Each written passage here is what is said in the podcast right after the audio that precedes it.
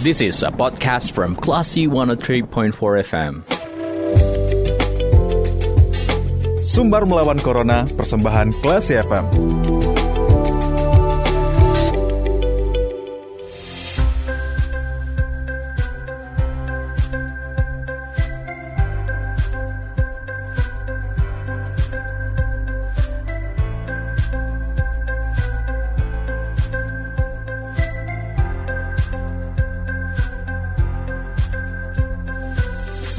103,4 kelas FM This is the actual radio Kelas People saatnya Anda mencermati Sumbar melawan Corona Masih bersama Sidita Indira Dan kali ini kita akan bahas ya Apa saja bentuk dari dampak setelah vaksin nih kelas People Dan untuk membahas itu kita sudah terhubung bersama dengan Wakil Ketua Komda KIPI COVID-19 Sumbar Dr. Dr. Rinang Mariko SPAK kalau gitu kita sapa dulu ya.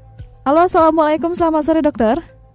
Ya, selamat sore. Assalamualaikum warahmatullahi wabarakatuh. Waalaikumsalam. Gimana kabar dokter sehat? Ah, baik. Kabar sehat. Insya sehat. Iya, kita akan bahas nih dokter um, dampak yang mungkin dirasakan oleh beberapa pasien yang sudah melakukan vaksinasi ya dokter ya di sore hari ini. Ya.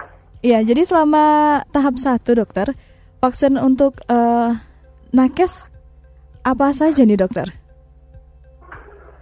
Oh, selama tahap satu ini? Mm Ya, kita terhadap nakes selama tahap satu ini sudah tercapai bagus ya mm -mm. pencapaiannya. Sudah 36 ribu ya tahap satu ini. Ya kan ada dua tahap itu waktu itu ya. Yang pertama eh, 36 ribu itu pencapaiannya hampir 100 persen. Mm -hmm. Kemudian 14 hari kita kan eh, vaksin kedua itu kan nah, itu tercapainya sekitar 78 persen di 5 ribu. Yeah. Nah yang sekarang ini baru kita lanjutkan uh, tahap kedua tahap uh, di luar nakes, di mana uh, tahap kedua ini tentu yang jadi uh, utama lagi nanti itu masyarakat, maksudnya uh, pegawai negeri, mm -hmm. ASN, sebaik itu Polri, Angkatan, Hmm. Atau mungkin kalau kita lihat di Jakarta itu sepertinya pedagang-pedagang sudah mulai diimunisasi. Baik dokter. Nah dari ya. um, setelah dilakukannya nih vaksinasi terhadap nakes, apa saja nih dampak yang dilaporkan nakes yang sudah melaksanakan vaksinasi dokter? Jadi uh, setelah kita lihat ya terhadap nakes yang tahap satu ini ya, mm -hmm. jadi uh, memang uh, kita dari Komda KIPI ya, Komite Daerah kejadian ikutan pasca imunisasi, mm-hmm. kita melihat dari data dari Sumatera Barat ini uh, setelah imunisasi itu memang kita follow up ya kalau ada keluhan dari masyarakat ya, apalagi yang dikatakannya berhubungan dengan imunisasi COVID ini kita akan catat sebagai KIPI. Yeah. Jadi KIPI itu ada dua, non serius dan serius. Mm. Yang KIPI non serius ya mungkin kita pernah dengar ya di televisi atau di media uh, bahwa setelah dimusasi itu ada keluhan seperti uh, apa demam mm -hmm. atau bengkak disuntikan mm -hmm. atau ada uh, lemas atau sakit nyeri-nyeri saja sendi ini mm -hmm. atau ada juga yang nggak uh, ngantuk atau mm, iya. gatal-gatal gitu ya dokter Iya, ada juga ya uh, salapar, ada juga. Jadi itu dianggap sebagai kipi non serius. Hmm. Tapi uh, kipi non serius ya. Ah, kalau untuk kipi serius, ya insya Allah sampai sekarang ini kita uh, belum uh, ada laporan untuk kipi serius. Nah, kipi serius ini sepertinya setelah diimunisasi, ya hmm. uh, mungkin kita akan melihat misalnya ada alergi, ya, hmm. misalnya um, nafas. Ya tapi itu boleh dikatakan kipi seperti itu hanya 0, sekian terjadinya.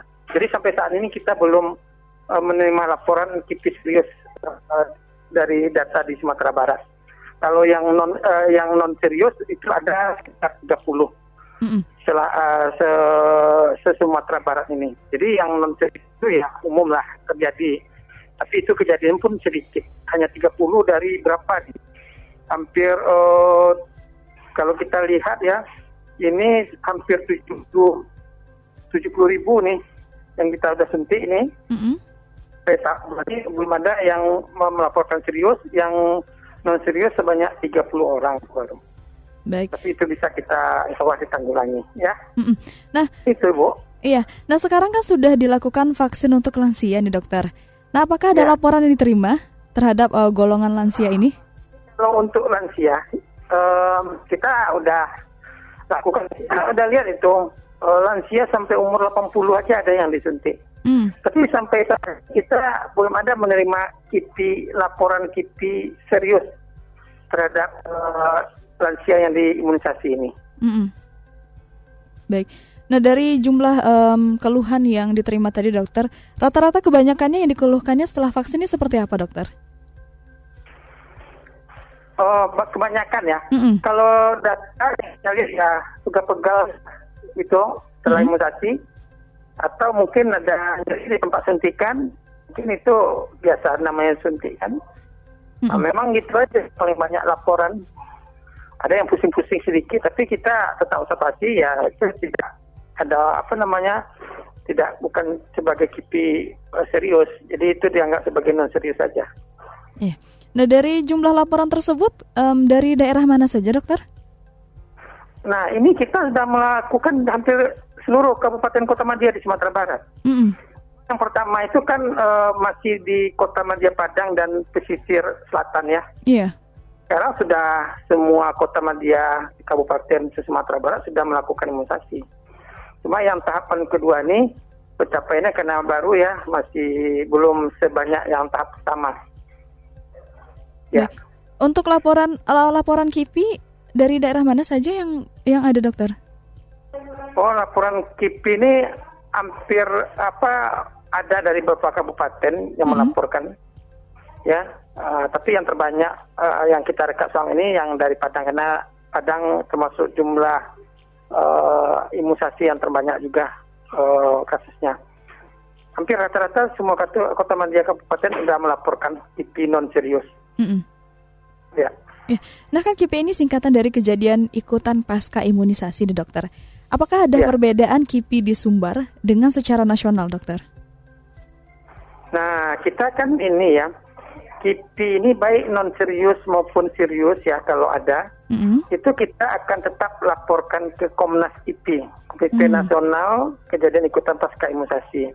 Kita uh, masih sering apa namanya diskusi, ada kasus-kasus yang dilaporkan sebagai KIPI, itu secara nasional kejadian uh, non serius hampir sama ya uh, seperti yang kita sebutkan tadi itu mm-hmm. tidak ada uh, jarang sekali yang di luar itu seperti yang pusing ya nyeri pada sepak suntikan agak mm-hmm. demam riang-riang atau nyerah pegal atau ada juga yang yang tadi itu uh, ngantuk ada juga yang melaporkan seperti itu uh-uh. Ya Baik dokter. Nah terakhir nih dokter, um, sekaligus closing statement nih ya dokter mungkin untuk meyakinkan masyarakat yang masih khawatir dengan KIPI ini atau kejadian ikutan pasca imunisasi sehingga membuat mereka masih ragu untuk terlibat dalam vaksinasi dokter. Silahkan. Ya, jadi uh, kita kan uh, sudah melihat tahapan satu yang dilakukan terhadap tenaga kesehatan karena tenaga kesehatan ini sebagai ujung tombak dalam menangani kasus COVID ya sebanyak yang kita lihat dan pencapaiannya udah hampir 100% ya mm-hmm. di Sumatera Barat. Nah kita lihat uh, kejadian uh, KIPI non serius dan uh, serius itu ya boleh dikatakan uh, sedikit ya, sedangkan yang serius tidak ada. Jadi kita penting imunisasi ini ya pertama untuk membuat tubuh kita kebal, ada sistem imun yang terbentuk di badan kita. Jadi dengan adanya sistem imun atau kekebalan yang dibentuk setelah imunisasi ini, mudah-mudahan kita akan tidak terpapar uh, eh, COVID-19. Kalaupun terpapar juga mungkin uh, kita sudah punya imunitas, ya hmm. ya mudah-mudahan tidak akan berat seperti itu. Tetapi walaupun kita sudah melakukan imunisasi, jangan lupa tetap 5M itu kita jalankan.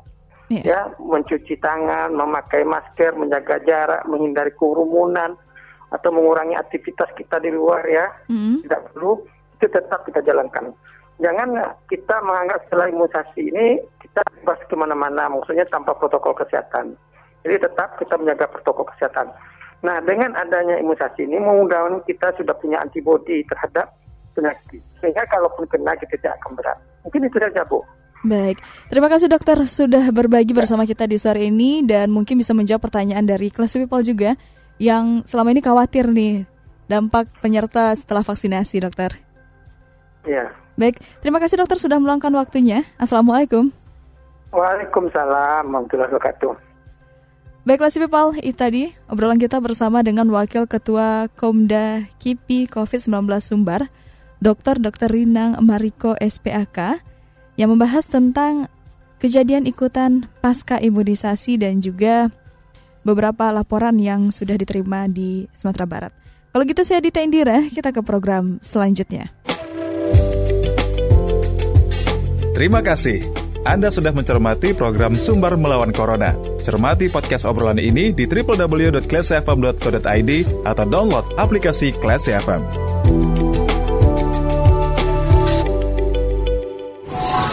This is a podcast from Classy 103.4 FM.